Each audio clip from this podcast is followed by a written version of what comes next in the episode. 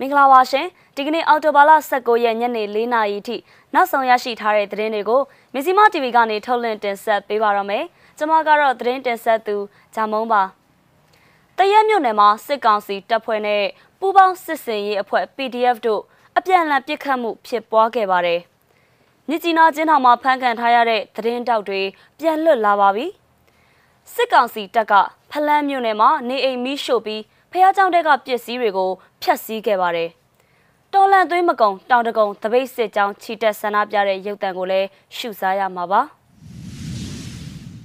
မကွေးတိုင်းကသတင်းနဲ့စလိုက်ကြပါတဲ့တရက်မြို့နယ်ပုံနာကျေးရွာအနီးမှာစစ်ကောင်စီတပ်ရဲ့ကင်းလဲအဖွဲ့နဲ့တရက်ကံမပူပေါင်းစစ်စင်ရေးအဖွဲ့ PDF တို့အပြန်အလှန်ပစ်ခတ်မှုဖြစ်ပွားခဲ့ပါတယ်။ဒီဖြစ်စဉ်မှာစစ်ကောင်စီဘက်က3ဦးသေဆုံးသွားတယ်လို့ပြည်သူ့ကာကွယ်ရေးတပ်ဖွဲ့တရက်ကဒီကနေ့မှသတင်းထုတ်ပြန်ပါတယ်။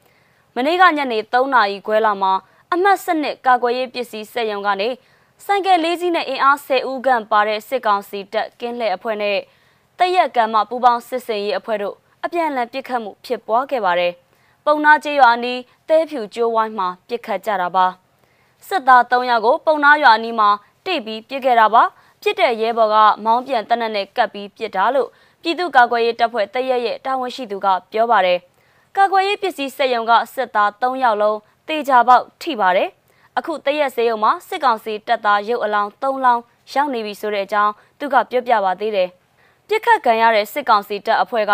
တရက်မြို့နယ်မှာရှိတဲ့ပုံနာရွာပောက်ဦးကားရွာတမန်းပြင်ကျေးရွာတွေကအပြစ်မဲ့ရွာသားတွေကိုဖမ်းဆီးနှိပ်စက်ချင်းချောင်းနေတဲ့ကင်းလဲအဖွဲ့ဖြစ်တယ်လို့သိရပါဗျ။တရက်မြို့စေးရုံနဲ့နှိစက်သူဒေသခံတအူပြောတာကတော့စေးရုံကရင်ခွဲရုံကိုတော့ ခေါင်းကိုထိတဲ့တယောက်ပဲရောက်လာတယ်လို့သိရတယ်။ကျန်တဲ့သူတွေကိုတော့ကြိတ်ပြီးကုနေကြသလားမသိဘူး။ရောက်လာတဲ့တယောက်ကအမတ်စနစ်ကာကွယ်ရေးပစ္စည်းစက်ရုံကစစ်သားမျိုးရန်နိုင်လင်းပါ။တရက်မြောက်ဘက်ကိုးပင်ရွာဇာတိလို့ဆိုပါတယ်။တရက်ကံမပူပေါင်းစစ်စင်ရေးကိုတော့ပြည်သူ့ကာကွယ်ရေးတပ်ဖွဲ့တရက်နဲ့ကံမမြို့နယ်ပြည်သူ့ကာကွယ်ရေးတပ်ဖွဲ့တို့ပူးပေါင်းဆောင်ရွက်တာပဲဖြစ်ပါတယ်ရှင်။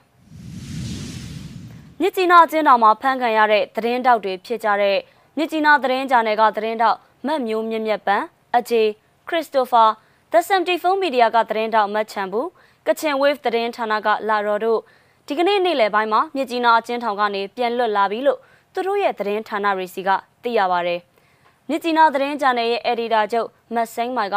သူတို့၃ယောက်ပြန်လွတ်လာတဲ့အတွက်အရန်ဝမ်းသာတယ်။သူတို့ကအကျဉ်းကျနေတာ6လနဲ့4ရက်ရှိပြီးဒီကနေ့ပြန်လွတ်လာလို့ဝမ်းသာတယ်။ဒါပေမဲ့ကျေးဇူးတင်စရာဘာအကြောင်းမှတော့မရှိဘူး။ ငကိုကလေးကဖမ်းတဲ့ရာဇဝတ်မှုကျူးလွန်ထားကြတာမဟုတ်ဘူးအစတည်းကဖမ်းရမယ့်သူတွေမဟုတ်ဘူးသတင်းတောက်တွေဆိုတာသူတို့အလုပ်သူတို့လုပ်နေကြတာအဲ့ဒါကြောင့်အစကတည်းကကိုမဖမ်းသင့်တာလို့မှတ်ချက်ပြုထားပါတယ်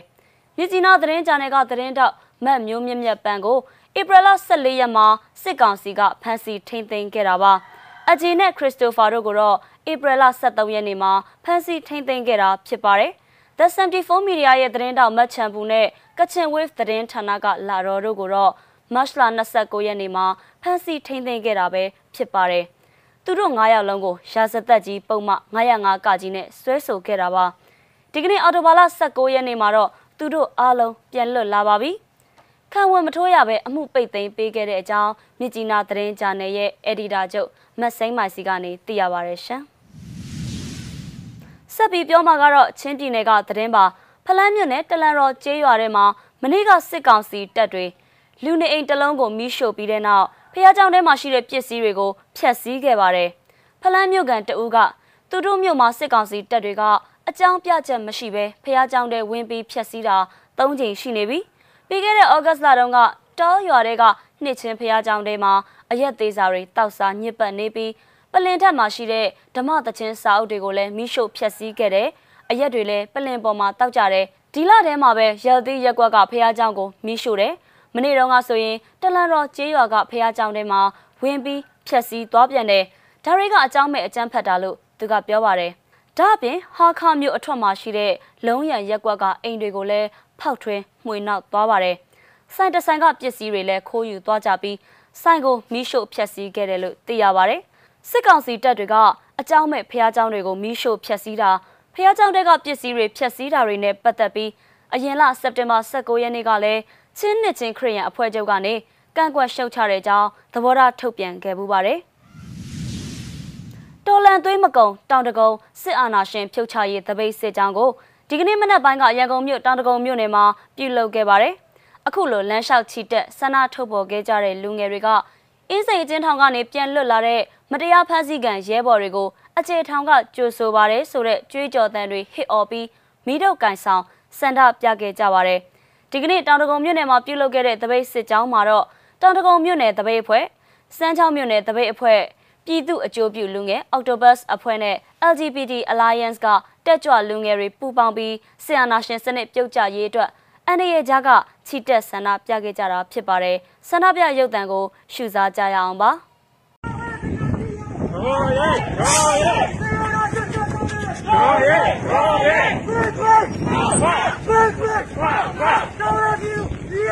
ညီရဲညီရဲတော်ရပြီလို့ညီရဲ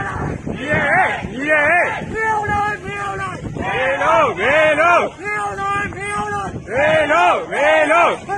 စစ်ကမြေပြဖတ်စစ်ကမြေပြဘယ်တော့မစားရဘယ်လိုကဲ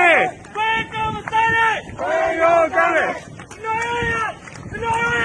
တို့တဲ့တာဒီပါဒီလိုကဒီပါတော့နေပါလေစစ်ကွာစစ်အားရခြင်းဘောမလို့ဒီဘောဒီလူရလာတော့လည်းမင်းတို့ပါလေတော့တဲ့တော့လာလူနဲ့မင်းတွေပါလေတိုင်းလိုက်ရောတော့တဲ့ဘုရားအားရတော့ဟဲ့ဒီလိုကစီရစီရတော့ရဲ့တော့ရဲ့ကျန်လာပဲလားဒီရဲ့ဒီရဲ့ဒီမှာကျန်လာပဲလားဒီရဲ့အကျေကောင်ကရဲပါဗျာ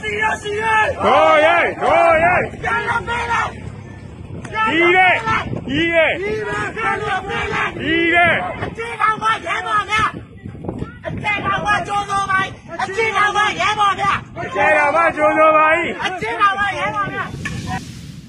မစ္စည်းမရဲ့သတင်းတွေကိုနေ့စဉ်စောင့်မျှော်ကြည့်ရှုပေးကြတဲ့အတွက်ကျေးဇူးတင်ပါတယ်ပြည်သူအလုံးလက်ရှိကြုံတွေ့နေရတဲ့အခက်အခဲတွေကိုအမြန်ဆုံးကျော်လွှားနိုင်ကြပါစေလို့ဆုတောင်းရင်းနဲ့နှုတ်ဆက်ပါရစေရှင်။